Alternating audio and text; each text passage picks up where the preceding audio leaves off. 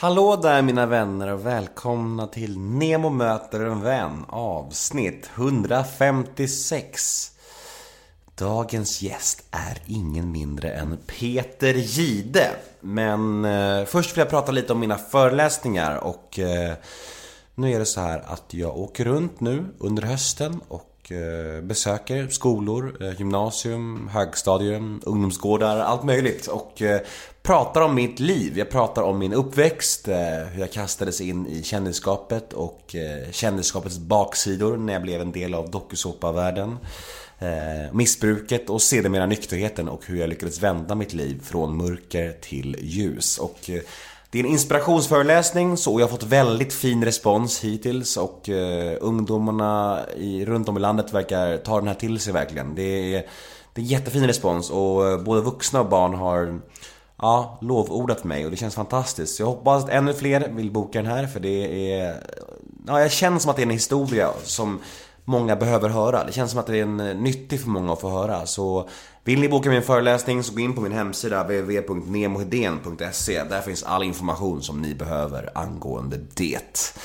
Men åter till dagens podd då. Peter Gide i Nemo möter. Mm. Jag åkte hem till Peter på Lidingö och eh, vi pratade om hans långa karriär. Han är ju en av de mest rutinerade vi har i TV-rutan. Och vi pratade också om Diabetesgalan som stundar. Vi pratade om Zlatan, vi pratade om Alex och Sigge, om Filip och Fredrik. Och vi pratade om allt ni kan tänka er. Jag tror att ni kommer gilla den här episoden för att eh, Peter är speciell, han är härlig, han är karismatisk. Eh, han var lite svårintervjuad för att han lyckades alltid vända intervjun så det handlar om mig istället. Så eh, jag kan tänka mig att det föll honom naturligt eftersom han alltid intervjuar människor. Men jag gjorde så gott jag kunde i alla fall. Jag hoppas ni kommer bli nöjda också så får vi se om, ja, vi får se hur, om ni blir nöjda. Men jag tror att ni kommer tycka det här är kul i alla fall. Jag heter Nemo Idén på Twitter och Instagram. Hashtaggen är NEMOMÖTER. In och gilla oss på Facebook, Nemo möter en vän. Har du några frågor och önskemål gällande podden eller vad som helst? Eh, mina föreläsningar kanske? Eller ja, om du bara vill kolla, kolla läget med mig eller önska en gäst till podden eller vad som helst. Skicka dem till nemohedén gmail.com Hemsidan är www.nemohedén.se Där finns all information ni vill veta om podden, föreläsningarna, stundande boken, ja, vad ni nu än vill veta om mig så finns det på min hemsida. Och om ni bara vill följa själva podden och ha information om den så finns ett nytt Instagramkonto som heter Nemomoter. Om ni inte vill följa min privata, eh, mitt, mitt privata konto med andra ord. Eh, om ni vill slippa bebisbilder och allt sånt där så följ Nemomoter på Instagram. Där är det bara poddgrejer. Om ni, om ni inte vill ta del av mitt övriga liv, det vill säga. Eh, podden presenteras precis som vanligt av Radioplay och klipps av Daniel Eggemannen Ekberg. Och jag vill be om ursäkt om jag låter lite snorig och så, men jag är väldigt, väldigt förkyld. Eh, men eh, när podden spelades in så var jag inte förkyld, så ljudet blir förhoppningsvis bättre snart. Ni slipper en snörvlig Nemo. Men nog om mig, dags för Nemo möter en vän avsnitt 156. Gäst Peter Gide. Rulla gingen. Nemo är en kändis, den största som vi har. Nu ska han snacka med en kändis och göra honom glad. Yeah! Det är Nemo är en kändis, den största som vi har. Nu ska han snacka med en kändis och göra honom glad. Yeah! Sitter hemma hos Peter Gide på Lidingö. Han hämtar druvsocker. Och eh, ska förvarna lite om att det kan komma små borrljud under denna intervju. Mm, det är för att du har så stora problem med dina hörntänder. Ja, precis. Jo, exakt så. Nej, men varför är det så för? Det är för att det är folk som håller på och dränerar huset. Mm. Och eh, dränerar även min eh, pengapung. Jaså? Ja, så är det. Svindyrt eller? Pengarna rakt ner i eh, jorden. Men eh, husen måste dräneras ibland och då åker vi på det och då är det bara att stirra in i, det oundvikliga. Som att, det går någon nöd, som att det går någon nöd på dig. Klart att det gör det. Gör det? Ja, som fan. Jag trodde du var typ rikast i branschen. Ja. Nej, för fan. Det är David Helenius. jag skulle precis säga det. Du kanske tvåa då? Helenius etta. ja, jag ligger ganska långt ner på listan. Sa han bittert. Nej, Nej. Hur är läget? Du ser glad ut. Ja, fint väder, Nemo. Massor med fina färger i träden som vi tittar ut. Du är här, du ser också glad ut. Mm, jag är glad. Och då finns det ingen anledning för mig att vara eh, ledsen just nu. Så att, eh, nej men det är väl okej. Förlorat i paddeltennis tillsammans med min lillebror. Eh, tre pilar ner på blodsockret, vilket gör att jag tar lite Dextrosol och sen så kör vi. Do your thing. Hör du? Nu hör de. Ja. Nu knäcker de en sten. Ja, jag, vi ber om ursäkt för det här på förhand. Jag vet att min, många av mina lyssnare är väldigt kräsna med ljudet. Med all rätt, det ska ni vara. Men nu vet ni varför om ni hör små borrljud. Det är därför i alla fall. Eh, Har du någon relation alls till poddar överlag? Nej, jag har väldigt dålig pod- relation till poddar. Min hustru håller på med en podd som heter Mellan raderna. Där hon och hennes kompis Peppe, eh, som sitter i Los Angeles och Karin sitter här hemma, läser och recenserar böcker. Det är den relationen jag har till poddar. Jag har inte hamnat i poddvärlden Du inte gjort, lyssningsmässigt. du har Nej, inte gjort någon, någon podd? Inte är det här gjort. din poddoskuld kan man säga? eh, min podddebut. Det kan man säga. Så skulle bättre. jag formulera mig som 40, snart, hur gammal är jag? Ja, 46 år. 46, 47 någonting. 46, ja. 46 är det. Ja. Okej, men då känner jag mig extra hedrad om det här är debuten. Ja. Det är fantastiskt. Och jag har ju varit på dig och jag är jobbig med det. Men jag, jag tänker att i den här branschen, och det vet väl du som också intervjuar, eller kanske inte du som fixar gästerna till Nyhetsmorgon. Men när man ska ha gäster, man måste ligga på. Annars blir det inte av liksom. Man måste ju tjata. Man måste vara en jobbig jävel har jag fattat. Men vadå, ser du dig själv som en jobbig jävel? Nej, men jag är van vid att folk säger ja du är bra på att tjata. Så här, lite, lite grann. Och jag och jag är ju ganska tjatig, men det är för att jag vet att det är det som lönar sig. Det är min erfarenhet liksom. Tänker du då genom hela ditt liv eller? Nej, nej, nej, nej. Med podden. Alltså med gäster och så. För att om jag inte ligger på, det är inte så att, det är inte så att en, en poddgäst hör, hör, hör av sig till mig några månader senare, ja nu kan jag. Jag måste höra av mig igen och säga, kan du nu? Förstår du vad jag menar? Ja, fast där tror jag är skillnad ifrån när du började och ifrån nu. För nu är det väldigt många som vill prata med dig har jag förstått. Varför tror du att det är så? Nej men det är väl för att jag har lyckats göra med ett, ett bra namn i branschen tror jag. Jag tror att, eh, jag tror att jag har ett gott rykte. Det är det jag har hört i alla fall. Många sådana här människor som kanske har väldigt svårt för journalister överlag har sagt väldigt fina saker om mig.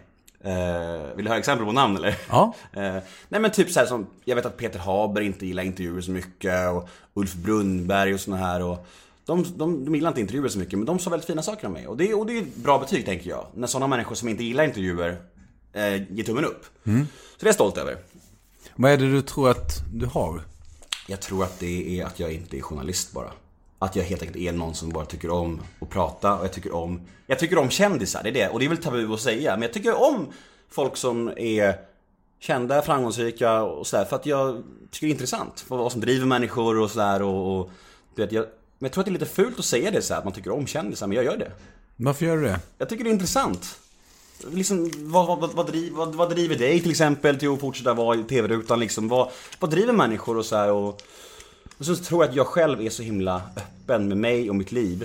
Och att jag tror att det är avväpnande i de här samtalen. Att jag är så himla naken. Jag har liksom knappt några spärrar. Och jag tror att det smittar av sig på mina gäster. Att de känner då, aha, det är den nivån, då kan jag öppna mig. Det tror jag är en nyckel också. Nu jävlar tar du mig med eh, borren här. Och nu avslöjar jag mina bästa knep innan podden börjar liksom. Så att... Jaha, vi har inte börjat Jo, vi, ännu. vi har börjat, vi har börjat. Men jag menar liksom i början. Så nu vet du mina knep, så nu kommer jag aldrig komma in det på skinnet liksom. Nu har jag jobbat i 25 år med det här så jag har ju också en del knep och vet att när Aftonbladet eller Expressen har pratat i 12, 13 till 17 minuter, det är då intervjun börjar. Mm, det är då man ska se upp så att man liksom inte är för tjenis Ja, ja. och bundis. Ja, det det- är då de tuffa frågorna kommer. Jag tycker det är, det är extra intressant att träffa dig just för att liksom det är. Jag gör ju ändå något liknande som du gör. Och då vill jag ju liksom, och du har ju hållit på så länge, då blir det så här, då blir man extra, jag känner, att jag, jag känner att jag blir extra bedömd på något sätt. För att du är så här en gammal räv i gamet kan man säga. Är det så? Ja, men du är är, väl det, är det så som du tittar på mig? Men du är väldigt fräsch räv. Fräsch, fräsch gammal räv. En fräsch räv. Ja. Skitsvårt för mig att säga Ja, ja. eftersom jag är smålänning. En fräsch räv. Ja. Tack, Nemo. Ja. Men vad tycker du? Alltså nu är du på andra sidan stolen liksom. I, eh, nu är du liksom i, nu är du som är intervjuad. Vad tycker du om att sitta på den sidan? Och hittills i den här intervjun, vem är det som har ställt mest frågor? Det är du, Ja, eller hur? Ja. Det är jättekonstigt det där tycker jag. Och det är jättesvårt. Så fort det kommer en mikrofon framför så, så tenderar jag att, att själv vilja ställa frågor. Mm. Och det, så har det alltid varit. Konstigt. Hur ser du på det? Försök inte nu. Men nu ska vi snacka om dig. Nu är vi klara om mig. Det här blir, blir inget mer, det blir inget mer. Men jag upplever ändå att du är en människa som folk har väldigt mycket fördomar om. Att du är en människa som folk har eh, ganska mycket åsikter om och man tror att man känner det på något sätt. Kanske är för att man har känt det så länge liksom i rutan så här. Men upplever du att du är en mä- människa som folk har fördomar om? Berätta då vad folk har för fördomar om mig. Men kommer- du göra så här på varje men- fråga? Vad har folk för fördomar så att jag vet vad du tänker? När jag tänker på dig så tänker jag nog att du är eh, lite fåfäng. Eh, jag tänker nog att du är eh, väldigt aktiv. Att du sportar väldigt mycket. Att du, väl, att du, att du är glad, positiv, men, att- men att du gillar bekräftelse väldigt mycket. Det är min fördom mot, mot dig. Okej. Kan det stämma? Se mig, hör mig. Ja, men jag spottar väldigt mycket. Eh, Jag tycker om att eh, vara med där det händer. Och eh, antingen i... Men jag började med radio. Det här är ju liksom eh, samtalet. Och sen så gick jag vidare till tv. Så jag tycker om att berätta saker. Jag tycker om att vara med och, och berätta saker. Ja, men där är svaret ja. Och jag är aktiv.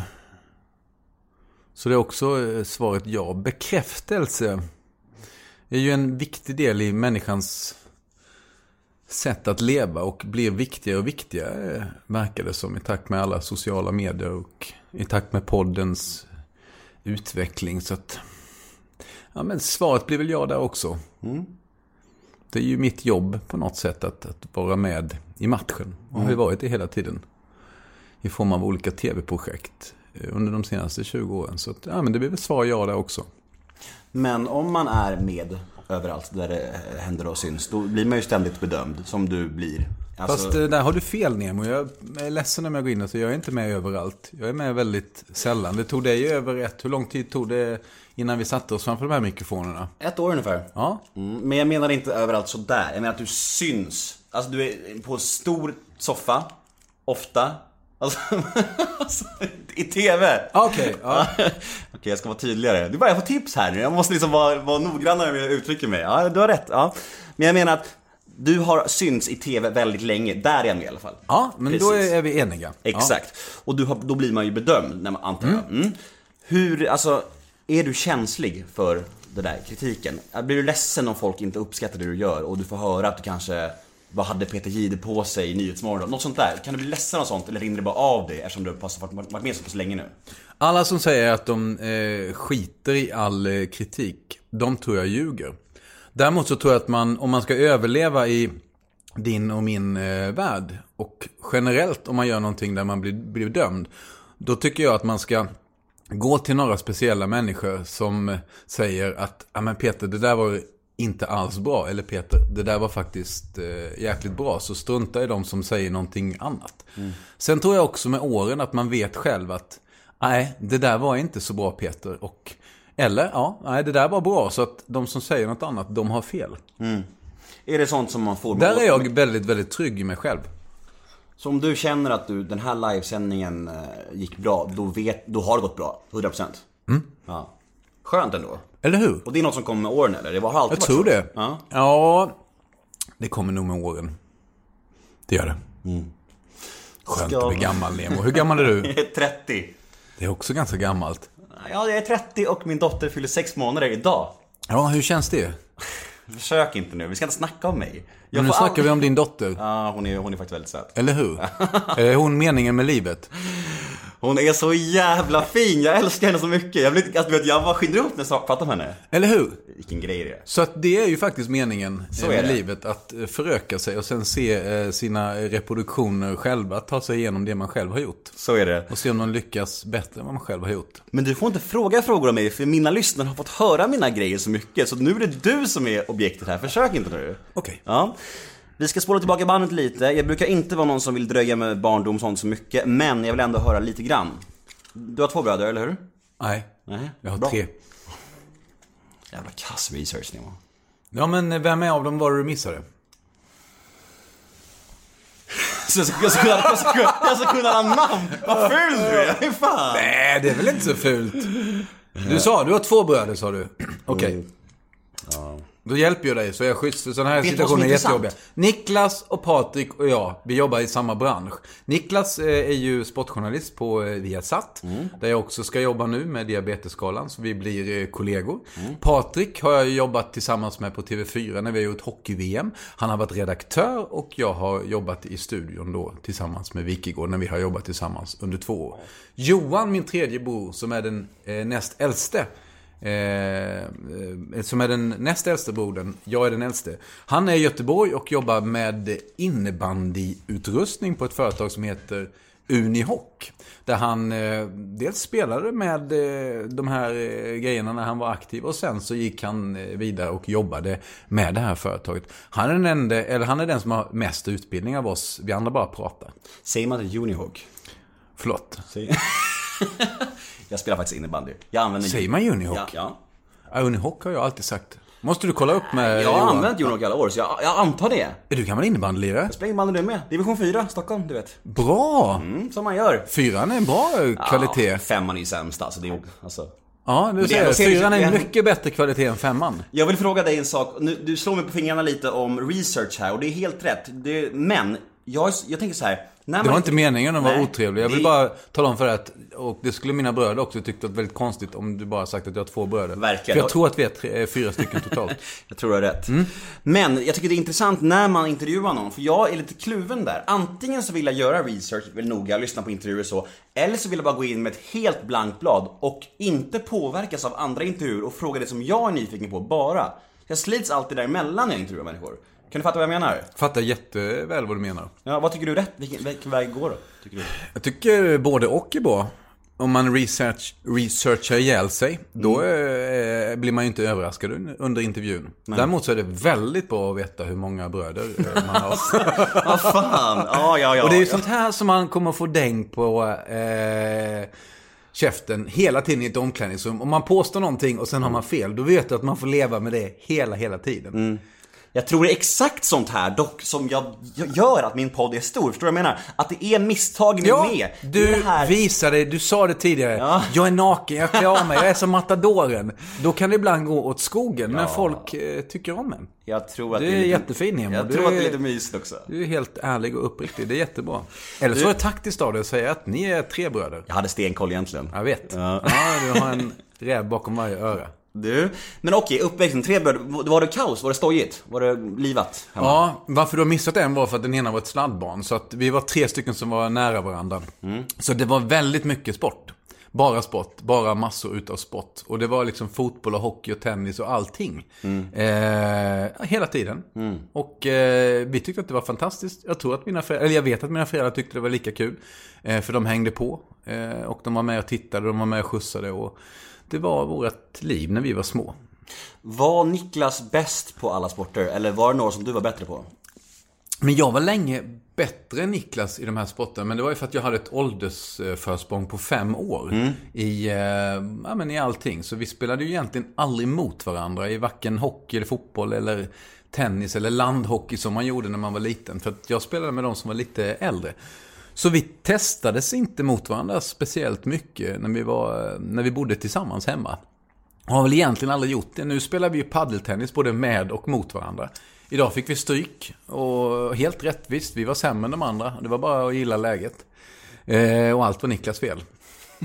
Klart, klart det var. Nej, det var mitt fel. Jag var dålig inställning idag. Men det var för att jag var så nervös inför den här intervjun.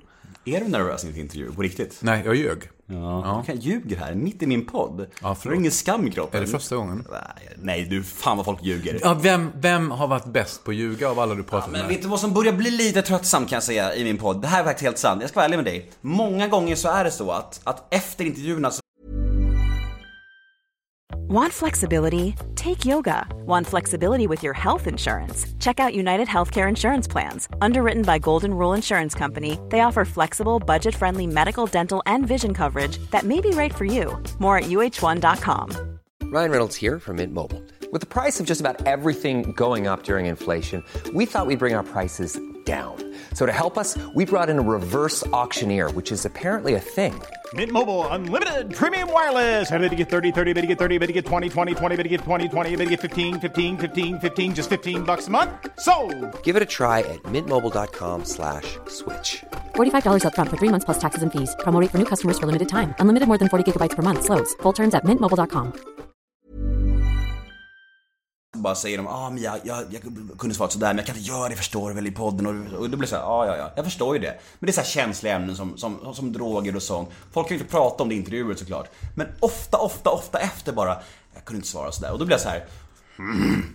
Ja, men jag fattar ju det, det går ju inte att snacka öppet om Men, sånt. nej, men så kommer jag ju också säga om det är någonting som jag inte vill prata om. Då kommer jag säga att det där vill jag inte prata om. Och det, Det får du bättre. respektera. Ja, Det är men svaret. ljuga ska man ju inte göra. Det är, Nej. ju, det är ju jättedumt. Ja, men så jag kan man ju lära sina barn hela tiden att inte ljuga. Precis, jag, tycker, jag respekterar när folk säger så här, jag vill inte prata om det där. Då är det fa- fair. Men, Vilka är det som inte vill prata om sina... eh, det säger jag till dig efter, så nu gör jag samma sak själv. Jag skojar, fan. förlåt. Men alltså okej, uppväxten då. Barndomen, mycket pojkar, mycket sport. Vad, hur, gick det i skolan? Vem var du, vem var du i plugget? Ja, men jag, var mer, jag var duktig när jag var, när jag var liten. Mm. I, i, vad heter det, låg och mellanstadie. Och sen blev jag sämre eh, i takt med att eh, sporten tog mer och mer tid. Och eh, senare också faktiskt liksom det här jobbet från gymnasiet när jag började jobba med lokalradio på kvällar och helger och sånt. Då tyckte jag att det var så otroligt kul så att eh, jag ska inte skylla på det. Jag, var, jag, liksom, jag hade, på min tid hade man ju 1-5 i betyg och jag var en sån typisk, jag fixar en 3 vilket är godkänt. Eh, jag ligger mitt i, i vägen där. Eh, och sen så var jag duktig på vissa ämnen och då hade jag lite bättre där. Och sen var jag, ja, men jag var egentligen inte dålig på något men jag var en, jag var en medelmåtta betygsmässigt. Det var en ljus uppväxt. Uppväxten, ja, jag har suttit och försöker liksom komma på de här svarta eh, sidorna. Du vill det här, Och jag- Så Mycket Bättre ja, men, mörkret, Ja, men vart det är här det hitta mörkret. Jag hade varit jättetråkig i Så mycket bättre. För att jag är en sån där, eh, en kille i en liten eh, by som heter Moheda. Där Mm. folk tog hand om varandra på gott och ont på gatan. Alla visste vad alla gjorde och så vidare. Som när jag och min bästa kompis eh, övningskörde eh, bil eh, lite för tidigt utan att några vuxna var med. Utan vi övningskörde med varandra. Eh, vi lånade hans pappas bil. Eh, det kom min morsa hem direkt efter att jag låg faktiskt och gjorde läxorna eh, uppe i mitt eh, pojkrum. Och så frågade hon vad du har gjort i eftermiddag. Ja, jag har hängt lite med min kompis Mattias. Ja, vad gjorde ni? Ja, men vi hängde lite. "Ja, Har ni kört bil? Eh, ja. Och under det här eh, så visste jag ju att det var någon som hade sett oss köra bil. Eh, och visste att vi inte hade åldern inne. I Det det här har lite Så mycket samhället. bättre mörker. Är det mitt mörker? Det kanske är det mörkaste, mörkaste jag har gjort. Det blir är inte program två som ska vara det starkaste då. Men snarare program fem eller sex är så Ja, mycket bättre i så fall som de gömmer undan där. Men så har jag vuxit upp, på gott och ont som jag sa. Att, att alla visste allt om alla, vilket ju kan vara rätt jobbigt, men också beskyddande. Och socialt och så i- plugget, då hade du, du hade det lätt då, känns det som. Eh, ja, nej, jag höll ju på med sport. Så att det, vi, eh, det var ju mycket idrott på, när man var liten så spelade man landhockey på rasterna. Och då gick tiden och sen så blev man, fick de ropa in en så att man kom tillbaka till nästa lektion. Och när, eh, när vi var äldre så spelade man rundpingis eh, i högstadiet och i gymnasiet. Så då gick jag en klass med 29 tjejer så att då spottade vi inte riktigt lika friskt. Utan då kom nog samtal mer och mer in i bilden. Så att då blev det ett annat sätt. Och utan då spottade jag efter, efter skoltid istället. Var du populär bland tjejerna? I min klass? Jag eh, valde att inta eh, Sveriges och Schweiz roll i klassen. Jag var väldigt neutral i alla konflikter som uppstod eh, bland de olika tjejgrupperingarna. Så att, jag vet inte om jag var väldigt populär, men jag var inte impopulär i varje fall. Utan jag såg till att jag kunde liksom hänga lite med alla. Var det en rivalitet mellan bröderna under uppväxten? Jag var lite för stor för att konkurrera med Niklas och Johan. De spelade tillsammans, eh, både innebandy och alla andra sporter. Så att min konkurrens var nog mot kompisar och så istället. Och mot ja, men de jämnåriga. Så att den, den blev aldrig av på grund av åldersskillnaden. Men kände du redan i plugget här, högstadiet, gymnasiet, att du, att du ville jobba med det du skulle komma till? Det här radio, tv och allt det här? Jag hade ju allra helst, som alla sportjournalister, själv blivit väldigt duktig på sport. Men jag hade inte den... Eh, jag stod inte och slog de extra servarna i tennis eller de extra inläggen i fotboll eller åkte de där extra varven runt målen i hockey. Jag var lite för bekväm. Och eh, förmodligen hade jag inte tillräckligt stor talang heller, utan jag... Eh, Ja, hur kom det, hur kom det in i bilden? Med eh, radio och tv? Ja, men jag pryade, eller som det hette på den tiden, på gymnasiet eh, hos min gympalärare Thomas Klyft. Som var Carolina Klüfts eh, farbror. Idrottscirkeln slut. Just det. Och eh, då... Eh, eller om det var morbror. Ja, det är oklart. Men de var släkt. Eh, och då fick jag eh, prya hos honom. Han var lokalradioreporter på kvällstid, gympalärare på eh, dagtid. Och sen efter det så, så sa jag, om ni behöver hjälp någon gång så ring mig. Och sen så var det någon som blev sjuk söndagen efter. Jag slutade på fredagen, på söndagen efter var det någon resultatsamlare som blev sjuk. Och så ringde de till mig och sa, kan du hjälpa oss att ringa efter resultat? Så då satt jag inne på lokalradiostationen och, och ringde till alla division 6 och division 5-arenor och frågade, hej vad står det? Ja, det står så här. Och så kutade jag in med lapparna till, till eh, Dennis som körde sändningen. Och så började det. Kände du direkt att fan det här är det vi håller på med liksom? Det här är... Ja, det var är ju kul. superkul. Eh, att få vara liksom, den som berättar om det som händer. Att förmedla nyheter. Det är något som inte dränerar mig utan snarare gör mig gladare. Okej, när kände du då att, eftersom att du kom in på radio där, när kände du att du fick ditt break då? Har du något sånt eh, liksom, det här liksom, jag kommer, kunna leva på det här liksom? Har du något sånt, eh, någon, någon sån, vad säger man, milstolpe eller? Ja. Ja, men när eh, Artur Ringat, den gamla SVT-legenden som blev värvad från TV-spotten till TV4 för att starta deras eh, redaktion. Eh, 1993 tror jag Artur blev värvad och 94 då så ringde han mig på våren efter att jag hade gjort ett reportage för TV4-sporten. Eh, och sagt att det här funkar ju bra. Kan du tänka dig att komma till Stockholm och jobba? Ja men visst, sa jag nere i, i Växjö då. Och eh, det var ju liksom en, en halv millisekunds eftertanke och sen så, så flyttade jag upp. Vi körde kompisen Olofs pappas Saab med ett jättetungt släp. Så vi fick tanka två gånger på vägen upp från, från Växjö för att det var så jäkla tungt. Eh, jag tror fortfarande inte vi betalt in tillbaks på hans företagskort. Men det måste vi göra någon gång. Hoppas hoppas ni hör det här. Ja. Ehm, Men när du pratar om det så här så låter det som att det var någon slags dröm på ett sätt. Sen, sen så bara slutade du med sport. Fast jag höll ju på ganska länge. Ja, Från ändå. 1994 till 2000... Ja, vad höll jag på? Jag höll ju på fram till 2000. När jag gjorde sista fotbolls-VM 2010. Jag gjorde sista hockey-VM i fjol. nyligen. 2016. Så att jag har ju... Ganska långt spann där. Ja, jag håller ju fortfarande på med sport. Tycker ju alltid väldigt mycket om sport. Men någonstans så fick ju jag möjligheten att vara med när Mats Sundin och Peter Forsberg slog igenom. Jag fick följa handbollslandslaget när, eh, Bengan Boys. när Bengan Boys eh, inte regerade världen men alltid var med och slogs om titlarna. Och jag fick eh, följa upp och vara med under 94-sommaren. Det var då jag började jobba. Och sen fotbollslandslaget efter det och, och Zlatan när han kom och slog igenom. Så att, Ganska- se- ganska gans- okej tid. Ganska roliga saker att uppleva. Det är lite svårt att matcha det. Och, och eh, motivation slår alltid klass, tycker jag. Så att, att när det kommer folk som är ännu mer motiverade, då får, får liksom, om jag är en gammal stöt i det här fallet, jag flyttar på mig. Helt rätt. Så att, eh, eh, jag hoppas och tror att jag kommer få tillbaka motivation för sport. För det har liksom alltid varit mitt, det är mitt grundämne. Det som jag har tyckt mest om längst tid. Jobba med brorsan. Kanske det. Ja. Ja, Det här hockey-VM med, med Nicke vore inte helt fel. Hur, men jag tänker det är så speciellt det där. Men man tänker att du typ måste ha coachat honom. Kan det vara, alltså i, i själva TV, hur man är framför kameran. Har det varit så eller? Har du hjälpt honom mycket? Vi har pratat en del gånger, men han, eh, han har... Han är autodidakt på så sätt att han, han gjorde ju jättemycket tv, Niklas, i travsvängen, på trav, i trav, trav-tv i vanliga butiker. Innan han klev in i, i Viasat-rollen. Så han hade ju gjort sina, du vet, år i längdspåren när han bara matat och matat och matat. Så han var ju väldigt rutinerad när han klev ut i, i riktig tv då. Men tycker du att han är duktig? Tycker han är fantastisk. Alltså även om inte som brorsa också. Ja, han är så otroligt nyfiken. Men jag ser ju lite eh, dig i honom nu. När du gör en sån här intervju eh, så ser man ofta i ögonen om folk vill veta någonting. Och det tycker jag är eh, ett bra bevis på om folk är intresserade av, av den de lyssnar till och av det jobb de sysslar med. Och det har ju Nicke verkligen. Jag känner att jag har lite... Jag brukar inte få det längre när jag gör poddar. Jag brukar känna mig ganska lugn i min roll. Men eftersom att jag träffar en programledare eller så här intervjuare själv så känner jag att jag har lite prestationsångest, lite nervositet. Jag har aldrig det längre.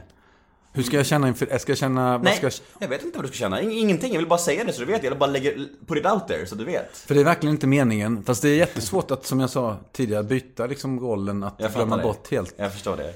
Du, ehm, det finns fem... Eh, jag har lagt upp ditt, ditt, eh, ditt namn på min Instagram och eh, frågade vad folk ville veta. Mm. Som jag alltid gör. Och det finns fem stycken grejer som folk är väldigt nyfikna på alla fem. Jag tänkte vi skulle gå igenom dem så folk får höra din version av det. Fem snackisar kring dig. Mm. Ja. Är det okej? Jag kommer att säga att det där vill jag inte prata om, om jag inte vill prata Ja om men det. absolut, Ja. Mm. det, är helt lugnt som helst. Men det, det, det, jag måste ändå ta upp det. Ja. Det är alltid så här bra när man lägger upp, så lägger man ansvaret på någon annan. Ja. eller hur? Klassisk fint. Jag vill Ja. inte veta det här. Nej. Det här är bara om lyssnarna. Ja. Du kan gå in och kolla på min Instagram, det är faktiskt sant. Ja. Där, där, där, där ser du själv.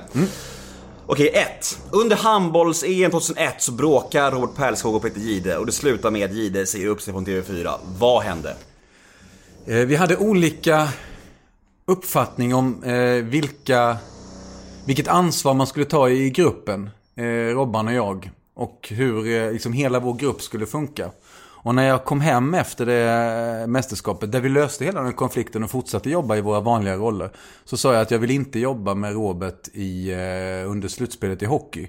Eh, Ni får liksom ta en av oss. Och då så sa chefen att ni ska jobba båda två. Ja men då säger jag upp mig, sa jag. Ja då får du göra det. Och sen gjorde jag det. Jag kanske inte hade agerat lika hastigt idag men...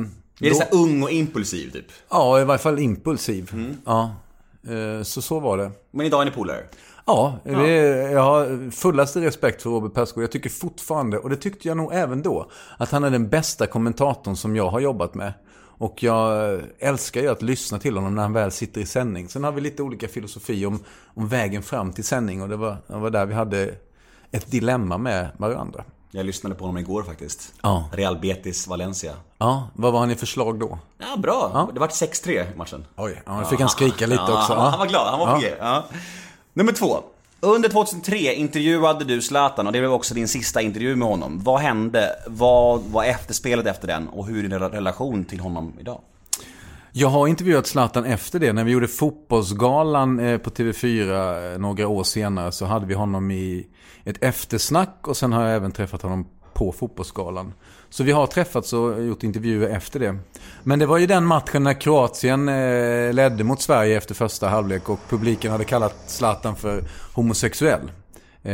Och han hade haft lite tungt med att få bollar fram till sig själv. Så jag frågade ett par gånger för mycket tror jag Zlatan kände vad de skulle hitta på. Och då tyckte han att förbundskaptenerna kunde kasta in mig på mittfältet så att jag skulle styra och ställa. Och då så sa vi tack och sen så slutade vi intervjun.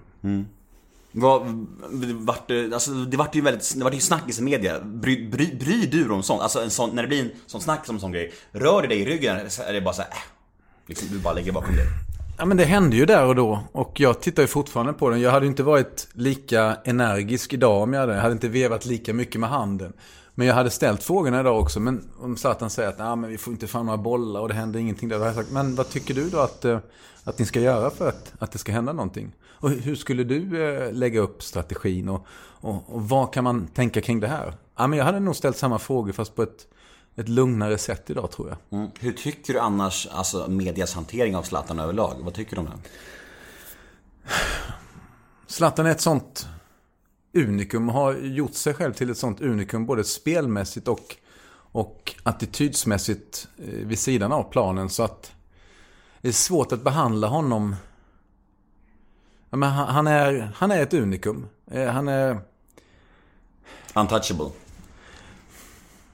Det beror lite på vad han skulle göra. Jag tror inte att han skulle gå, kunna gå och spöa upp någon person till exempel. Då tror jag inte han är untouchable. Eh, så nej, det tror jag inte att han är. Eller tycker inte att han är. Men han är unik. Och eh, en förbannat bra fotbollsspelare. Mm. Mm. Så att eh, han har på något sätt jobbat sig till sin ställning. Och jag... Ja, Men kan du uppleva att, att, att, att svenska medier har varit lite mesiga mot honom? Att, att ingen vågar liksom så kritisera honom när han kanske säger, gör något knasigt. Som det där med, jag, mitt exempel som jag kommer i huvudet är ju det här med fotbollsskalan och, och cykeln och det här, kvinnorna och det där. Som det känns som att, vad, vad, han sa att eh, Anders Svensson fick en bil och då sa han att eh, då borde Therese, eh, vad heter hon? Var det hon? Sjögran. Therese Sjögran borde få en cykel. Och och skämtsamt, haha. Och det känns som att när han säger det, då, då garvar folk. Men om någon annan hade sagt det hade det varit såhär, vad fan säger människan? Men jag tror att han fick ganska mycket däng för det och fotbollförbundet också eh, efter de där eh, historierna. Ja, så att jag, ja, ja, men Zlatan säger säkert bra saker och sen så gör han säkert dåliga saker. Och det är precis samma som med dig och mig. Exakt. Nästa punkt. Eh, Alex och Sigge var bokade till Nyhetsmorgon, men de skojade lite om dig i sin podd och helt plötsligt var de avbokade till Nyhetsmorgon och något nytt datum kom aldrig. Handen på hjärtat, visst hade du ett finger med i spelet där? Svaret är nej. Är det sant? Jag har ingenting med gästbokningar att göra. Ja. Ligger helt på en annan nivå. ja. Vad, vad har du att säga om de två? Jag eh, har ingenting att säga om Alex och Sigge. Där har vi en sån punkt kanske? Ja. Ja, då går vi vidare. I somras så uppträdde Per Andersson på Gotland med sin berömda kuk i hatt och vips så såg man dig på scenen. Vad fan hände där? Vi eh, skulle gå in på toaletten före deras gig. Eh, vi har eh, årligen återkommande att vi sista, eh, sista Så mycket Bursvik så är vi ett gäng kompisar från Gotland som käkar middag och så lyssnar vi på kvällens spelning. Och en av polarna bor då på det här eh, Grågåsen hotellet. Så vi lånar hans nyckel och går in på toaletten på deras rum. Och då sitter Per och Petra och Patrik Isaksson och käkar sin middag inför spelningen. Och vi har ju träffats några gånger förut, Per och jag, i, i Nyhetsmorgon bland annat. Och Isaksson och jag har spelat golf och något sånt där. Så att vi pratar lite och så. Och eh, då skojar Per och säger att, men du, ska vi inte hitta på någonting ikväll? Och då skojar jag med honom, tror jag. Ja, men jag är med, bara det blir naket, säger jag. Alltså som en sån här kontring. Och han bara, det löser vi. Och då hade jag ingen aning om att det här var hans extra nummer. Så då bytte vi telefonnummer och sen så messade han mig eh, tio minuter senare. Jag har fixat eh, så att du kan vara med. Vi kör den här då. Eh, penis i hatt. Och eh, du bara kommer upp och så dansar vi och sen så går du av. Självklart, sa jag.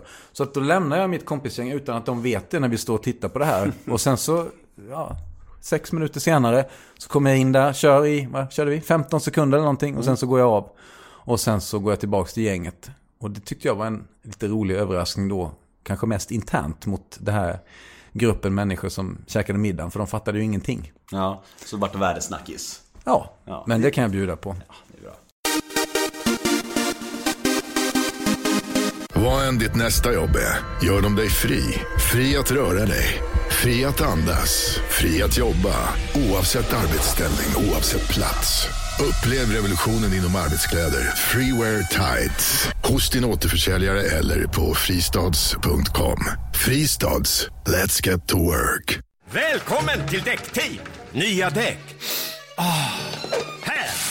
Rätt däck! Och där! Snyggt! Ha! Ja! Där satt den! Easy peasy! Mindre ljud och mer körglädje. Välj tysta däck från Goodyear. Däckteam. Vet vilka däck du behöver.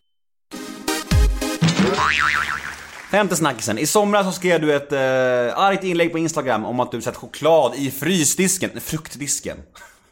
Varför den starka reaktionen och varför tog du sen bort inlägget? Nej, jag har inte tagit bort inlägget va? Gjorde jag det? Jag tror det. Ja, okej. Det, är, det, det, det, det här är faktiskt... Jo, men det har jag. Jag, har, jag tog bort inlägget efteråt. Så här var det, reaktionen. Eh, jag kom med mina två barn till frukt och grönt. Och eh, såg den här eh, chokladen som låg, eh, apelsinchokladen som låg med apelsinerna. Och då blev jag ledsen eftersom jag försöker tala om för mina barn att eh, ja, vi ska käka apelsiner, vi ska käka äpplen, päron och vi ska käka grönsaker.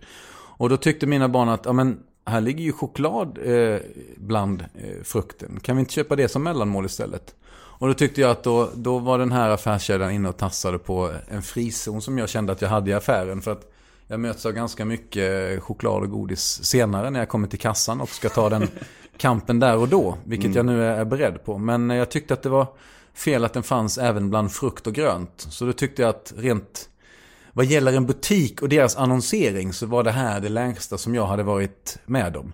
Sen är jag, precis som många andra, övertygad om att det finns lägre saker i livet och världen än, än choklad ibland eh, frukt och grönt. Men rent eh, annonseringsmässigt så tyckte jag att det var eh, riktigt uselt. Så att jag la upp det där eh, på Instagram och sen senare i butiken så träffade jag butikschefen som jag har pratat med tidigare. Berättade det här för honom. Varvid han eh, hanterade det här och sen när jag ska gå ut så ser jag att det är borta. Och efter det så tog jag bort den här, eh, det här inlägget. Måste du dubbelkolla nu om du tog bort Ja men gjorde jag det? Jag tror det. Ja men jo. Jag Det, har jo, jag ja, jag skrev, jo just det. Jag skrev eh, Coop har gjort om och gjort rätt. Så är det. Mhm. Ja, men så så. la jag upp en banan som gjorde att jag tyckte att, att det var en guleböj och ett glatt leende. Bra gjort. Kan du, inte bli, kan du inte bli less på att sådana här märkliga saker blir såna jävla snackisar i ditt liv? Jo. Och jag sitter, jag sitter, jag sitter nästan på riktigt nu, jag sitter här när jag läser frågan till dig, jag tänker så här. Är det för jävla fråga jag ställer i den här intervjun alltså? Men det är liksom det här grejen att folk är nyfikna på. Och det är så här, säg någonting om, om hela tiden vi lever i. Men vad känner du kring frukt och grönt? Du har inte, ditt, ditt barn var sex månader, Sex din tjej är sex månader. Du har inte haft de här promenaderna Nej, jag har ännu. inte det. Jag kan inte, inte relatera till det än. Men det kommer bli aktuellt såklart sen. Eh, Men ja, dina barn är hur gamla? De här två var sex och åtta. Ja, vad fan, det, är ju, det kommer ju komma till. Ja, men jag tyckte att det fanns ganska stor relevans i det hela och att man kanske kan ha frukt och grönt som en fredad zon eftersom vi behöver äta mer sånt och mindre av den andra varan om mänskligheten ska må okej. Och det förstår man ju när man sitter och pratar med dig så här. Men när man ser någon notis om din tidning, då blir man vara så här, vad är det för och vad är det för nyhet? Det också, det blir så här, vad är det som händer liksom? Men det är så här, det, det, det är tidningars, det är så det är liksom. Men jag brukar försöka hålla käften, men just i det där fallet så tyckte jag att det var, ja, det var inte så snyggt eh, gjort. Jag knappar lite på min mobil nu för jag måste bara se hur mitt blodsocker är. Men nu är det bättre. Ja, apropå det där. Tack. Hur fan ser du där hur ditt blodsocker är? Här ser du ju hur det pendlar då. Ja. Det här är kopplat till den mätaren som du ser på min mage. Ja. Som sitter i mitt fett på magen. Så att, Jättetjock verkligen. Ja, ja, men det sitter där. Det mäter liksom sockret i fettet. Ja. Och sen så går det in till min mobil och så kan jag se hur jag ligger. Du ligger alltid mellan 3 och 6 i blodsocker för du är frisk och har inte diabetes. Men jag har ingen, ingen topp och ingen botten. Jag har inga spärrar. Om du är på en bowlingbana så har du de här barngrejerna upp. Så Mm. du kan i princip kasta ditt klot hur du vill när du käkar. Medan jag måste hela tiden koncentrera mig och hålla mig innanför, eller på banan. Och eh, nu hade jag spelat paddel tidigare och käkat eh, ute på en restaurang där jag inte visste hur de jobbade med kolhydrater. Och då blev jag låg nu när vi började den här intervjun. Det var därför jag, som jag pratade så väldigt fort och så väldigt mycket. Då fick jag äta lite druvsocker här för att jag skulle få en sväng upp tillbaks till säker mark. Så att jag inte skulle falla ner här i koma i soffan. Och det där är någonting som jag måste hantera liksom 24-7 resten av livet. Man blir lite trött mentalt ibland. Alltså det är också så här, det här, det var, man fattar inte att det är så mycket jobb. Jävlar vad mycket jobb det låter som. Ja, ja men det är ett heltid, liksom dygnet runt, hela tiden och även på natten. Shit. Så, eh, När, fick, när var det här, du fick det här beskedet? Fem år sedan va? ja, 2012, 12, 12. Ja, ja, du ser alltså. Vad var första reaktionen då? Hade du någon kunskap om sjukdomen alls då? Vad vet du om, om sjukdomen diabetes? Jag vet att den eh, kan, man kan få den eh, för att man äter mycket godis va? Det är vad folk tror. Ja. Och det är den ena diabetesen, det är typ 2, den som kallas för levnadsdiabetes. Om man eh, har en livsföring som gör att man sitter mycket still och kanske inte rör så mycket på sig och äter fel och dricker fel saker. Då kan man få diabetes typ 2. Det jag har fått är diabetes typ 1, som också kallas för barndiabetes. För man får det oftast när man är barn. Jag fick det när jag var eh, 41. Den är allvarligare va? Eh, bägge två ger samma komplikationer. Bosse Holmström då, som var en av Sveriges främsta journalister, gick ju bort nyligen. Han hade diabetes typ 2.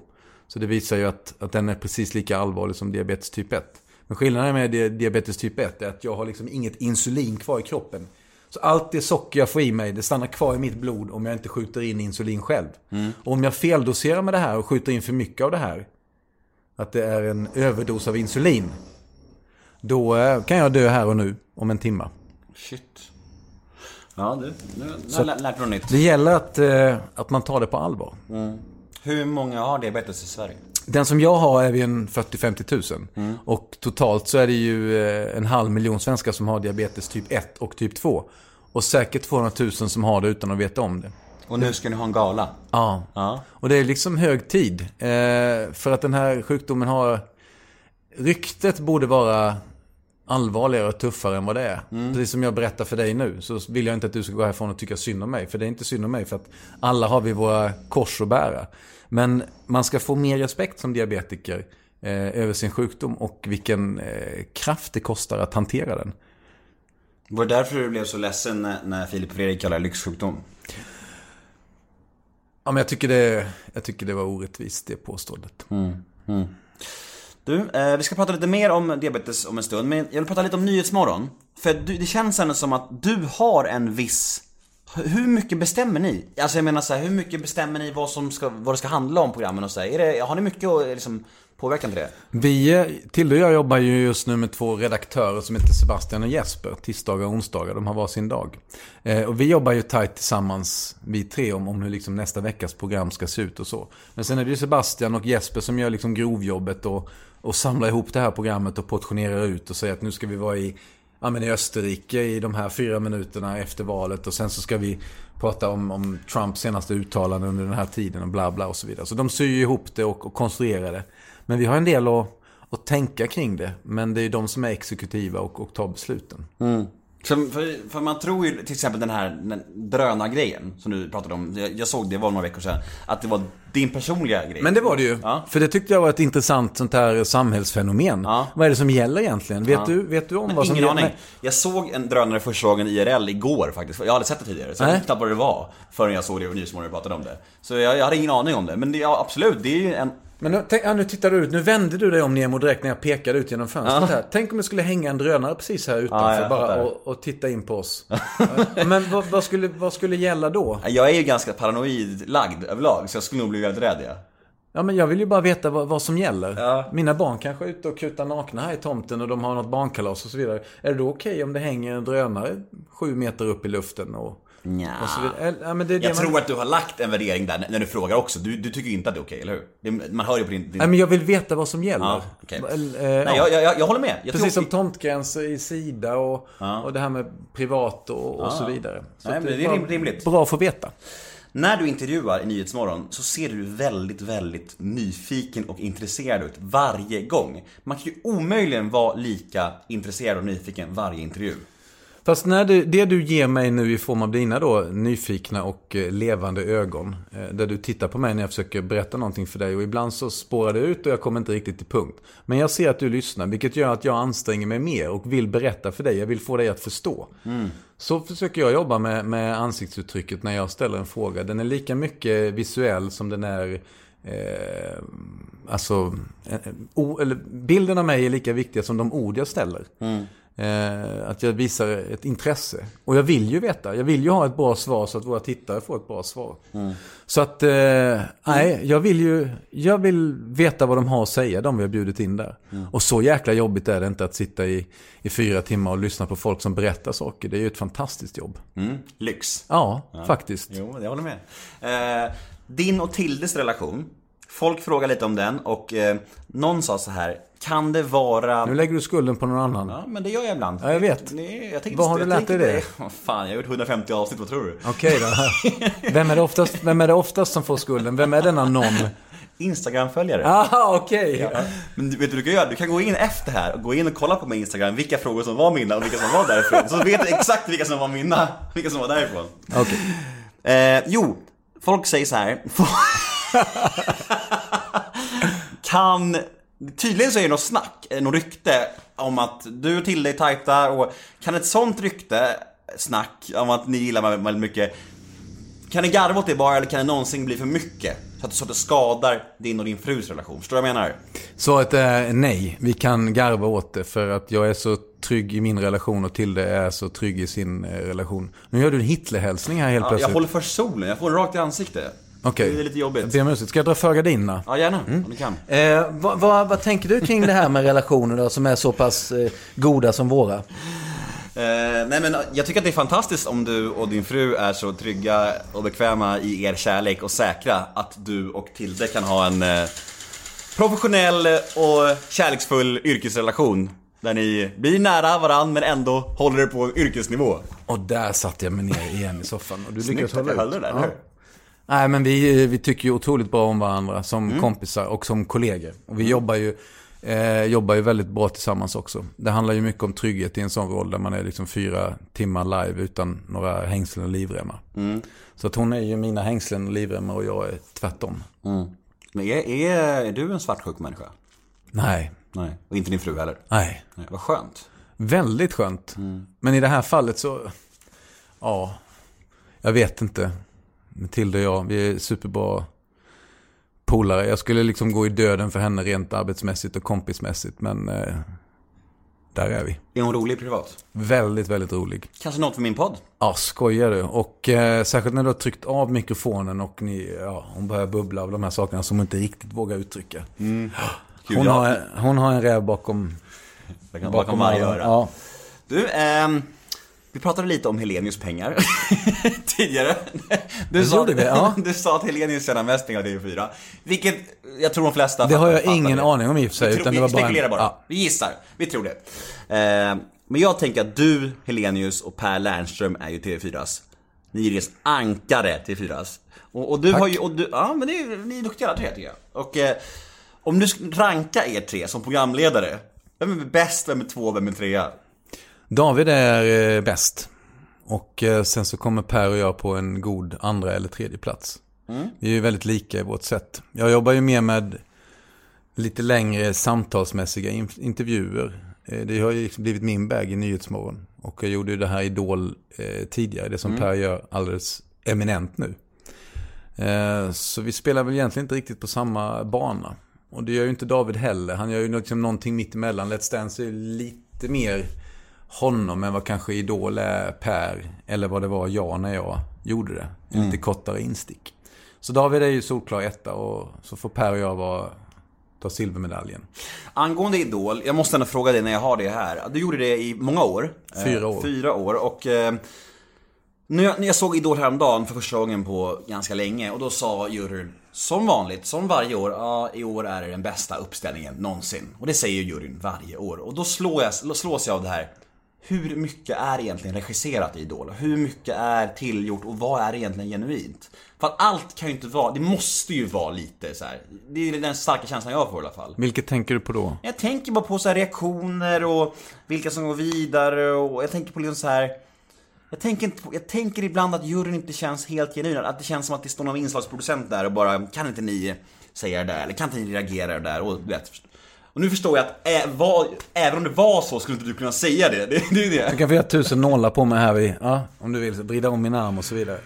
Eh, nej men juryn känner väl så, det, att, att i år är det det bästa som finns. Och det vore ju konstigt om de rent marknadsföringsmässigt säger så här, ja men Idol 2017, inte riktigt lika bra som Idol 2008 eller 2012 när vi hade grymt bra, utan det är kanske är det fjärde bästa Idol genom tiderna, men det är okej. Det finns ingen där i år tyvärr. Ni behöver inte se på det. Eller hur? Ja. Ja, jag vet. Frågan är, helt onödig för vad, du skulle kunna säga någonting ändå. Men det var bara att uttrycka en känsla bara. Men jag Ja. förstår att du vill ställa den frågan och jag tror att när man lever i en, en produkt, eller en produktion som pågår ifrån, tror mars till slut, äh, december, hela den här, så blir man så fäst vid både de man jobbar med och de som, framförallt de som står på scenen och eh, många av dem har bara sjungit i duschen innan och sen står de och sjunger på en, en scen inför, inte hela svenska folket, men det finns ju en möjlighet att hela svenska folket skulle se dem eh, i det stora fredagsprogrammet. Och då blir man så glad och tycker så mycket om dem så att eh, ibland så kanske man inte är riktigt helt frisk utan kanske tycker att de är lite bättre än vad de egentligen är. Men det tror jag att man gör för att man gillar dem så skarpt. Du ledde ju Idol under storhetstiden kan man ju säga. Alltså, det, det är min personliga åsikt, absolut. Liksom. Men, men, men har du någonting du kan berätta som hände under de åren som inte visades i TV? Någon, någon helt sjuk grej, eller något, något, som, något som togs bort för att det var för galet? Kan du inte berätta någonting? Det är Sveriges bästa tv-producent alla kategorier som heter Per Blankens. Som numera lever sitt liv i Los Angeles tillsammans med Cecilia Cecilia Blanken. Blankens. Ja, de är gifta. Han var ju producent under Idol när jag jobbade. Och ett stort minne var när vi var i eh, Göteborg 2010, tror jag det var. Det var en semifinal eller två eller tre program kvar. Och vi skulle låta Piotr komma upp. Han åkte ut precis innan det var dags att, eh, för de här fredagsfinalerna då. Han åkte ut i slutet där av den där stora gallringen. Och han älskade ju Westlife. Och vi hade Westlife som gäster då. Så Piotr satt i publiken och vi hade bara bjudit upp honom för att Westlife var där. Och han visste inte att han skulle få gå upp och sjunga. Så vi säger la la la la, kul att ha dig här Piotr. Och, ah, men du kan väl komma upp och sjunga. Så då sjöng han But if I let you go. La la la la la. Och så bara publiken applåderar, bla bla bla, bla och så vidare. Eh, och sen så står vi på scenen, han och jag, och eh, ska prata lite då. Och då eh, hör jag i mitt öra. Tanken är att Westlife ska komma upp bakom ryggen på mig och Piotr och han ska inte fatta någonting. Men då hör jag i mitt öra Per Blanken säga eh, Peter, eh, det är eventuellt så att Westlife inte går upp på scen. återkommer med mer information. Och jag bara... Spännande. Och eh, där står jag och pratar då med Piotr och har ingen eh, aning om vad som händer. Men sen så efter 30 sekunder så hör jag ju liksom jublet då. Jag håller hårt i Piotr för att han inte ska vända sig om. Och då fattar jag ju att, att ja, men de kommer på ändå.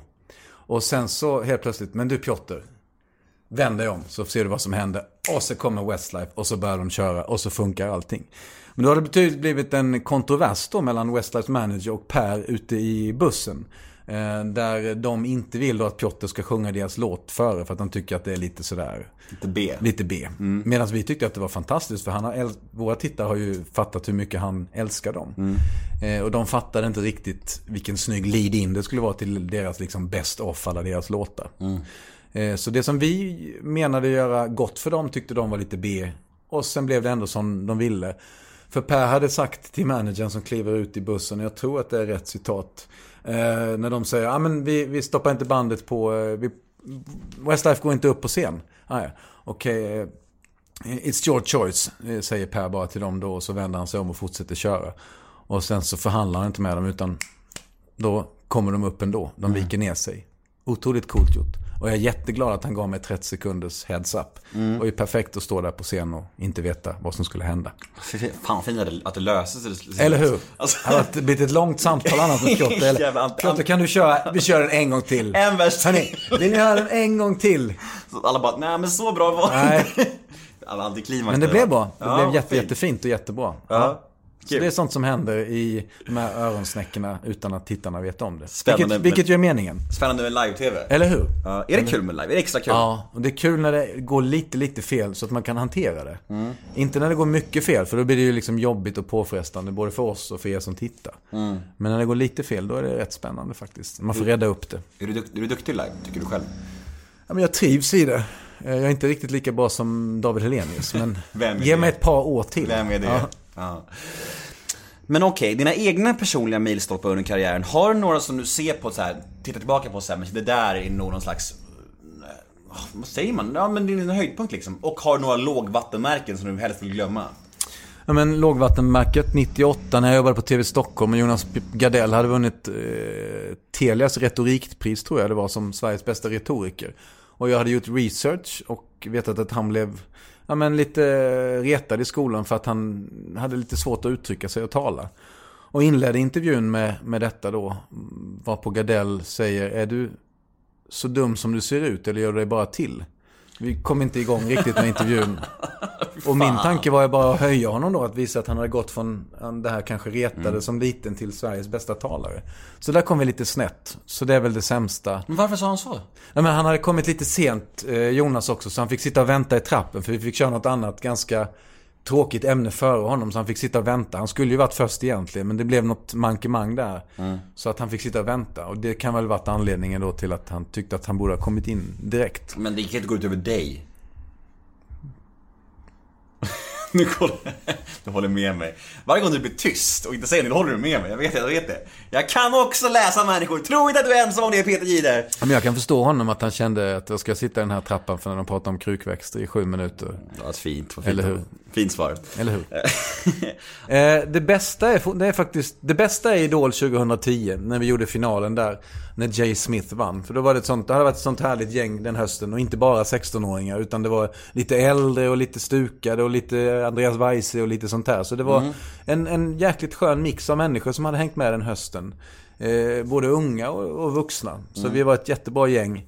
Eh, som tog det där i mål i Globen då 2010. Så det var nog den roligaste tv-sändningen jag har gjort, den finalen.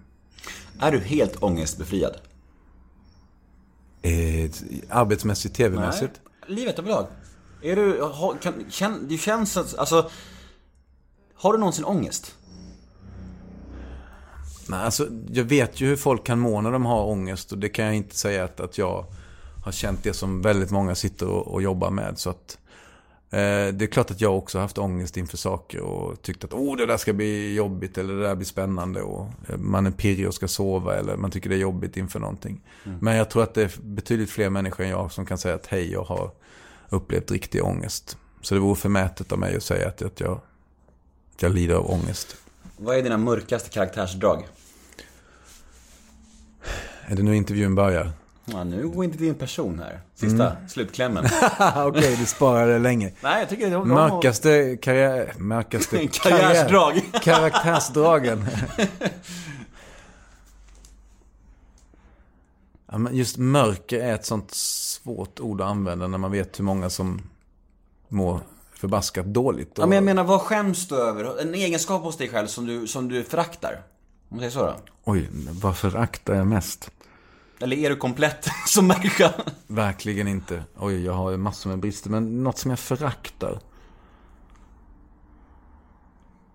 Ja, det är sån här man ska säga att åh, ja, men jag är så väldigt ordningsam och det kan bli så jobbigt.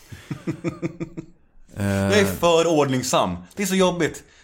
Ja, men jag, jag är en... Eh, jag är en dålig medspelare om jag spelar, eh, om jag håller på med en sport till exempel och min, min medspelare inte spelar så strategiskt som jag tycker att man borde göra. Då borde jag vara jäkligt mycket mer stöttande. Då är jag istället helt tyst och liksom tycker att den personen ska förstå att den inte spelar så himla bra just nu. Du är som Zlatan alltså? Eh, fast jag tror att, ja, Zlatan kanske gestikulerar mer. ja. Han går åt andra hållet och visar, där är inte jag riktigt ännu. Men jag borde vara jäkligt mycket bättre. Till det hade varit en mycket bättre dubbelpartner att lira med än vad, vad jag är. När man, man, man borde stötta dem som inte riktigt liksom är där de vill vara. För de gör ju fan sitt bästa. Så. Så där, där suger jag eh, verkligen. Så spela aldrig paddeltennis med mig. Om du inte är mycket bättre än vad jag är. Jag tänkte fråga om jag fick vara med nästa gång. Ja, och jo. Fan om du, också. ja. Det är min, min nästa fråga. Ja. När grät du sist? Jag grät i somras. Varför? Sensommaren. Eh, det är av privat karaktär. Eh, och eh, den kommer jag att hålla för mig själv. Mm. För att det är något som vi ja, men, har kämpat med och kämpar fortfarande med. Mm, jag förstår. Eh, och de är, de är som hyenor kvällstidningarna på den här podden kan jag säga. Är det så? Ja, varje- Vilket är det största skopet de har Nej fått alltså, fram? nej men alltså, varje vecka så skriver så tar de ju de, de säger det själva, det är din favoritpodd, din, din podd är vår favoritpodd att ta nyheter ifrån. Ja, Så det är ju kul, alltså, det är kul för mig men jag vet att gästerna kan känna sig att det är lite, lite jobbigt för att de inte kan Det börjar bli så nästan, de känner att de inte kan säga allt för att det, de vet att det liksom bevakas väldigt mycket. Men det som du vill att jag ska prata om nu, det pratar jag inte med någon utanför familjen. Så att det Nej, men får vara liksom ett litet frågetecken som hänger där. Men då Jag grät förstår, jag, Ja. förstår, jag förstår. Eh, har du, går du i terapi? Nej? Nej, jag går inte i Aldrig terapi. gått? Jag har gått, jo men jag har gått i terapi i och med att man får... Eh, eh, jag, ska, jag vill börja i terapi. Jag Mm. håller på att gå, jag fick ju reda på samtidigt som jag fick diabetes att jag var bipolär. Mm. Typ 2. Vilket jag, jag tror att alla människor är bipolära. Det är väl väldigt sällan någon som är helt flatline hela tiden. Mm. tror jag inte. Så det har vi alla olika grader av. Och jag fick diagnosen bipolär typ 2, vad det nu är värt. Vad är skillnaden mellan 1 och 2? Ja men bipolär typ 1 är väldigt stora svängningar. Då är man väl manodepressiv och, och eh, säljer sitt hus när man är som liksom högst och allra lyckligast. Och så satsar man alla pengarna på eh, obligationer i Ryssland. Eh, Medan bipolär typ 2 så kanske man säljer sin cykel. Mm, okej. Och köper eh, en ny cykel istället. Bipolär light kan man säga. Ja, typ så. Det är väl en jättebra förklaring. Eh, och då, det fick jag reda på under diabetesbehandlingen. För min eh, läkare hade jobbat inom psykiatrin också och såg att jag var deppig en gång när jag kom till henne. Fick jag gå den utredningen, fick den här diagnosen då. Och har lärt mig att hantera den med, med hjälp av träning och med hjälp av kost och med hjälp av allting. Så att jag har inte medicinerat för eh, min bipolaritet. Eh, och vill helst inte göra det. Däremot så vill jag gå i terapi för att kunna lära mig, kanske då KBT-mässigt, kognitivt, att, att kunna hantera de här jobbigare perioderna och även de, de här lättare maniska perioderna när man kan kolla på eh, 22 serier samtidigt hela natten och samtidigt tro att man ska skriva en bok och sen gå upp och göra sitt jobb klockan 03.30. Det håller ju kanske i några dagar, det håller ju inte under längre perioder. Men, men Och då vill jag, då vill jag eh, hoppas jag kunna komma in i, i någon form av terapi och att lära mig hantera detta. Men du känns ju ändå som en som person som, som, som skötte dig, alltså skötte din kost och sömn och så även innan du fick de här... eh, Men jag gör ju det. Ja, jag gör ju det. Pistecken gjorde du. Ja, nej, men, eller segertecknet där. Alltså, Att, ja, men jag gör ju det. Jag försöker ju liksom hantera det. Och vara noggrann och ordentlig. Eh, Men, och man kan styra över mycket men inte riktigt allt. Ibland blir det eh, djupare eh, mörker och ibland blir det liksom mer positivt än vad det borde vara. Och det är då man måste lära sig Och det är då man behöver hjälp av terapin att så här ska du göra. När du ska liksom, du ska inte läsa boken till klockan två på natten utan du ska släcka vid elva istället för att spara energin och så kan du ha den imorgon istället. Vad har du för relation till alkohol? En god relation. Jag dricker alkohol om jag vill och när jag vill. Men i en mängd som, som är hanterbar och som gör den lustfylld. Mm. Jag fick för mig att du var nykterist. Jag vet inte var jag fått det ifrån. Ja, men det är nog så att jag ser så Du ser nykt- ut som en nykter ut just nu. Klockan, vad är klockan nu? Alltså jag menar inte... Klockan 15 Jag en, en måndag eftermärkdag. Ja. Jag menar inte baserat på nu jag träffar dig nu, men jag, hade, jag fick för mig att jag hade läst det någonstans, men det kanske var din brorsa, jag vet inte. Är han nykterist? Eh, han som inte finns. Nej, din eh, sportbrorsa. Ah, okej. innebandybrorsa. Min idol och förebild i min, min innebandykarriär. Ja, ja, nej han är inte nykterist. Eh, Men vi är väl ganska, ska vi säga, småländskt tråkiga i, vår, många av våra beteenden. Så vi kör väl mitt i vägen vad gäller alkohol också tror jag. Det var någon som sa det. Nu skyller jag, det här är inget att skylla på någon. Ja, men det får du göra. Nej, men folk bara åh men det är så fint att han fortfarande har kvar småländskan. Se åt honom och aldrig ta bort den, den är så fin. Så nu fick du lite cred för din Ja, fina en dialekt. fräsch räv. Ja, precis, så var det. Frågan är om de tycker det fortfarande efter det uttrycket. Vad tycker du annars om offentligheten? Du har ju varit offentlig människa så himla länge nu. Alltså trivs du med att vara känd? Liksom? Men folk är så pass vänliga. Och jag har jobbat med, efter att jag, ännu mer när jag hoppade av sportens värld och gick in på Idol och på Nyhetsmorgon framförallt. Så är tittarna väldigt, väldigt vänliga. I sportens värld så kan det ju vara att man pratar med en, en Färjestad-supporter och sen pratar man med en Frölunda-supporter. Och då tycker de att man har favoriserat det ena laget. Eh, och varför tyckte du så och varför sa du så? Eh, Medan då Idol-tittarna var väldigt kärleksfulla och Nyhetsmorgon-tittarna ännu mer kärleksfulla. Så att jag har väl landat i, i bra program. Eh, vilket har snälla tittare. Så att jag upplever inte det som speciellt jobbigt. Eh, att, att folk hejar på en. Jag är ju från en liten by i Småland. Där hejar alla på varandra hela tiden. Så att jag är ganska van från start. Fattar dina barn att du är kändis om man säger så? Ja, de har börjat eh, fråga efter liksom, varför folk hälsar och så vidare. Och sen har de börjat lyssna och då så då börjar de göra egna slutsatser. Ja, men de tittar kanske på Nyhetsmorgon eller ja, du kanske jobbade med Idol tidigare och ja, du verkar ha jobbat med sport och farbror Niklas har varit en duktig innebandyspelare. Så de hajar sakta, sakta liksom läget. Och så får de en utbildning av mig att, att så här funkar det och du vet så här småländskt och då det, ska man vara hövlig och då ska man vara trevlig för att folk är schyssta tillbaka. Och precis så ska ni vara också barn. Hur är du som pappa? Eh, ordentlig. Ja. Cur- Curlande? Jag förbereder frukosten till alla barn, men det är mest för att vi ska hinna i tid till skolan eftersom jag är den morgonpiggaste av alla. Så där är svaret att jag är curlande. Jag tror att man, eh, curlandet avtar i takt med mängden barn. Och eh, så att det är nog den tredje nu som har fått den liksom mest korrekta, uh, höll jag på att säga, utbildningen, men uppfostran. Att den får liksom göra saker själv. Men, men är det svårt om, om, om någon av dina barn säger så här, Pappa jag vill ha en ny cykel. Att, att jag tänker om jag, har, om jag har haft råd och min dotter säger så, hur ska man kunna säga nej? Ja men det kan man, det kan man göra. Då får man fråga varför ska du ha en ny cykel? Finns det ett behov? Eller jag köpte de två senaste cyklarna på Blocket i Sollentuna var jag och hämtade dem i ett garage där borta. Och så fick jag köpa nya däck för att däcken var usla. Så att det blev väl nästan en nollsumma affär. Men, men eh, sån är jag. Du, jag har ett segment som heter ett ord om. Det går ut på att jag säger fem stycken svenska kändisar som ofta brukar, eh, upp, inte uppröra, men de brukar skapa reaktioner hos människor. Och du får säga det första ordet som kommer i ditt huvud. Är du med? Jag koncentrerar mig. Jag säger fem stycken kändisar, säg första ordet som kommer i ditt huvud. Är du med? Alex Schulman. Eh, vass. Marcus Birro. Eh, vilsen. Sara Larsson. Bäst. Jimmy Åkesson.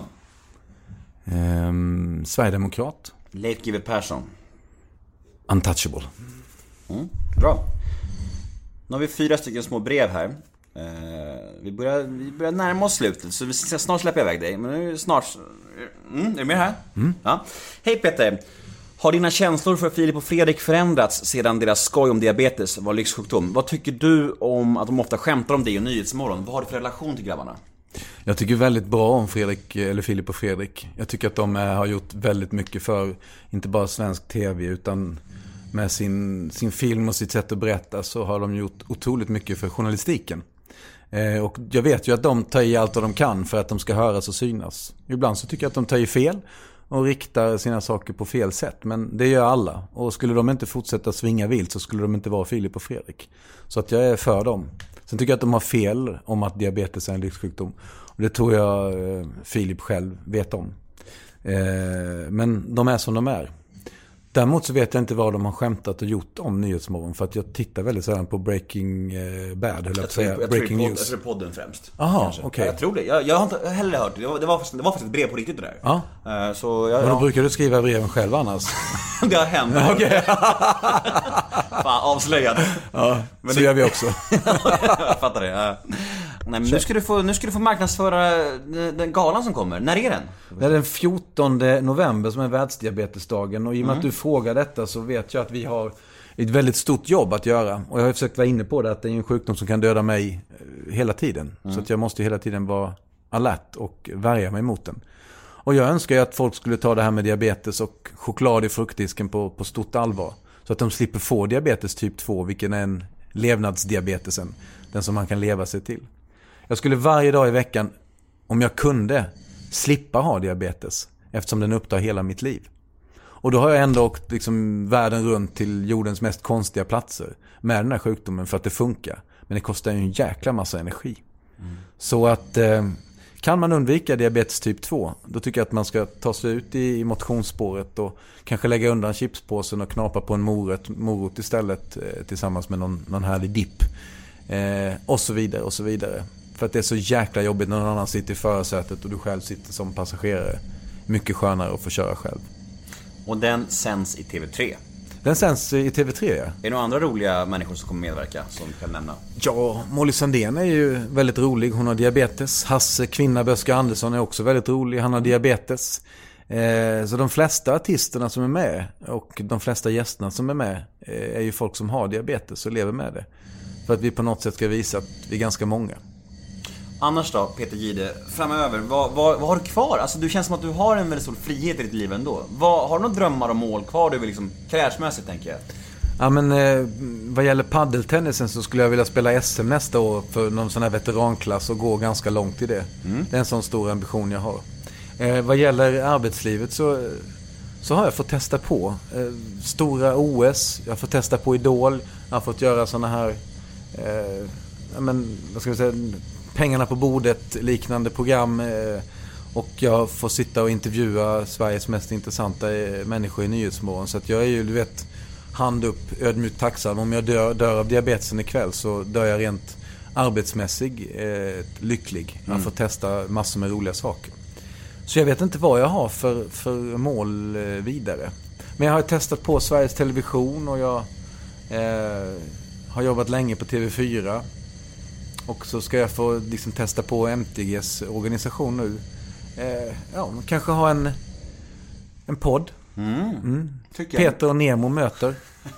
Folket som dränerar hus. Jag skulle aldrig våga ha en podd till dig för du har sånt kritiskt öga. Du, skulle, du, du är så duktig ju. Jag, blir, jag, jag, känner, jag känner att den här var lite svajig den här intervjun av mig. Jag På vilket mig, sätt då? Nej men jag nådde inte upp till min vanliga kvalitet känner jag. jag. Jag har ganska gott självförtroende i den här stolen. Jag har fått det nu med, med, med år. Jag har hållit på några år liksom. Mm. Men det blir speciellt att, att träffa någon annan som också intervjuar. För att då Mm. får jag prestationsångest. Ja, men det är verkligen inte meningen. Då har ju jag misslyckats på något sätt. Nej, du är ju jättetrevlig. Och du är fin. Och du är jättevarm Peter. Ja, fast det var ju inte... Ja, det var... Ja. Men det, det, det där ligger hos mig. Du kan ju inte göra på ett speciellt sätt. Du, du, du har ju, du är ju ditt yrke liksom. Eller så här, liksom, vad, vad ska du göra för att... Det är klart att du analyserar mig. Men kan vi göra något på slutet nu som gör att det... Lättar upp stämningen ja, lite? som gör att det ändå känns okej. men Jag är jättenöjd. Det enda jag är missnöjd är över, är borrljuden liksom. Ja. Ska vi på något sätt prata med dem? Eh, eller ska vi bara ska, de komma in och få förklara sig? Ja, eller lite så. ja, kom in här och berätta vad fan ni höll på med. Men du, alla de här tatueringarna du har. Ja, det är så mycket trams du vet. Okej. Ja, men jag har ju, jag har ju levt ett rövarliv. Ja. Ja, och då har jag gjort mycket impulsiva, ogenomtänkta beslut. Så jag har ju typ 25 tatueringar och alla är trams. Faktiskt. Förutom den här som jag gjorde för några månader sedan. Det är min dotters namn. Nova. Fint. Mm, det är det enda som är verkligen vettigt. Och sen resten är trams. Okej. Fyllegrejer. Tatuera inte på fyllan Peter, det är inget bra. Nej. Nej. Nej, jag brukar bara... Jag tatuerat mig i Nyhetsmorgon, det var allt. Jag ska berätta en, en avsluta med en liten skräckhistoria. Ja. Som kan beskriva hur jävla, hur jag levde förut. Jag var i Thailand för fyra år sedan och gick in på en tatueringssalong. Och så beställde jag tre tatueringar. Eh, en på vardera axel och en på benet. Och så svepte jag en kvarting Jack Daniels och en, tog en karta Valium lugnande och somnade. Sov i nio timmar och när jag vaknade så var tatueringarna klara. Så gick jag och festade vidare. Så levde jag förr i tiden. Men du, hur, hur tänkte du inför Tänkte- det här? Tänkte inte. Va, varför inte då? För att jag, jag levde så då. Jag levde bara för dagen och, och, och jag, jag var inställd på att liksom, nej, jag skulle ändå aldrig ord- ordna upp mitt liv. Sen så för två, år- 26 månader sen så hamnade jag på behandlingshem och då vände livet. Och idag är jag lycklig. Nu vart det ändå eh, hos mig det slutade. Ja, men det slutade ju på allvar. Mm, faktiskt. Nej, men jag har ju varit nykter och drogfri i 26 månader, helt. Och eh, idag så, podden flyger fram, jag föreläser, jag har fått bokkontrakt, jag ska vara moderator på Svensk eh, Stockholm Film Festival. Bra. Mm, så det bara händer Gillar saker. du film? Jag älskar film. Ja. Så allt bara händer nu, det är skithäftigt. Så det, det har vänt helt totalt. Jag är superglad för din skull. Framförallt för att du har så glada ögon och de är uppriktiga också. Ja, tack. Det är jävligt jag bra. mår bra. faktiskt. Vilken är den eh, bästa filmen? Alla kategorier. Alla kategorier? Ja. Jag vill ju säga något som är... eh, Jag tycker ju väldigt mycket om Den gröna milen, tycker jag om. Mm, men det, jag, man vill ju också säga så här, nyckeln till frihet, för det är så klyschigt att säga om det här, du vet, den största. Fight, Eh. Fight Club är bra. Eh, Gökboet är bra. Eh, jag vet inte, du då? Har du sett Pianot? Jag vet inte om jag har det, jag känner igen det. Är det med Adrian Brody? Nej, Jane Campion som har gjort den. Ja, det handlar om andra världskriget va? Nej, Nej. du får gå och titta på den. Ja, jag ska göra det. Ja. Det är ditt tips, avslutningstipset. Mm. Vi är klara. Jag har inget mer. I'm all set. Har du någonting du vill säga till eh, mina lyssnare innan vi signar ut? Ja, att om de kommer fram på gatan och, och träffar dig eh, så ska de ge dig en kram. Ja. Fint. För, att den här, ja, men för den här resan som du har gjort och som du nu eh, gör. Superbra. Eh, och jag är jättetacksam för att du ville vara med. Det var jättemysigt tycker jag. Och eh, om man vill följa dig på sociala medier, finns du någonstans? Eh, Instagram Gides Diabetes. Mm. Ett hyfsat halvvilande konto efter ett års intensivt eh, varenda spruta, varenda dag. Mm. Eh, så tog jag en paus. Får se hur länge den varar. Fast du, den kommer ju, den, den pausen är över när den här podden släpps, för då måste du lägga upp den. Ja, det har du rätt i. Ja. Shit. Är Ja. du så stor nu? Ja, ja. Är det Helenius-klass? Förra veckan så hade min podd över 100 000 i ned- ned- nedladdningar. 100 000 på en vecka.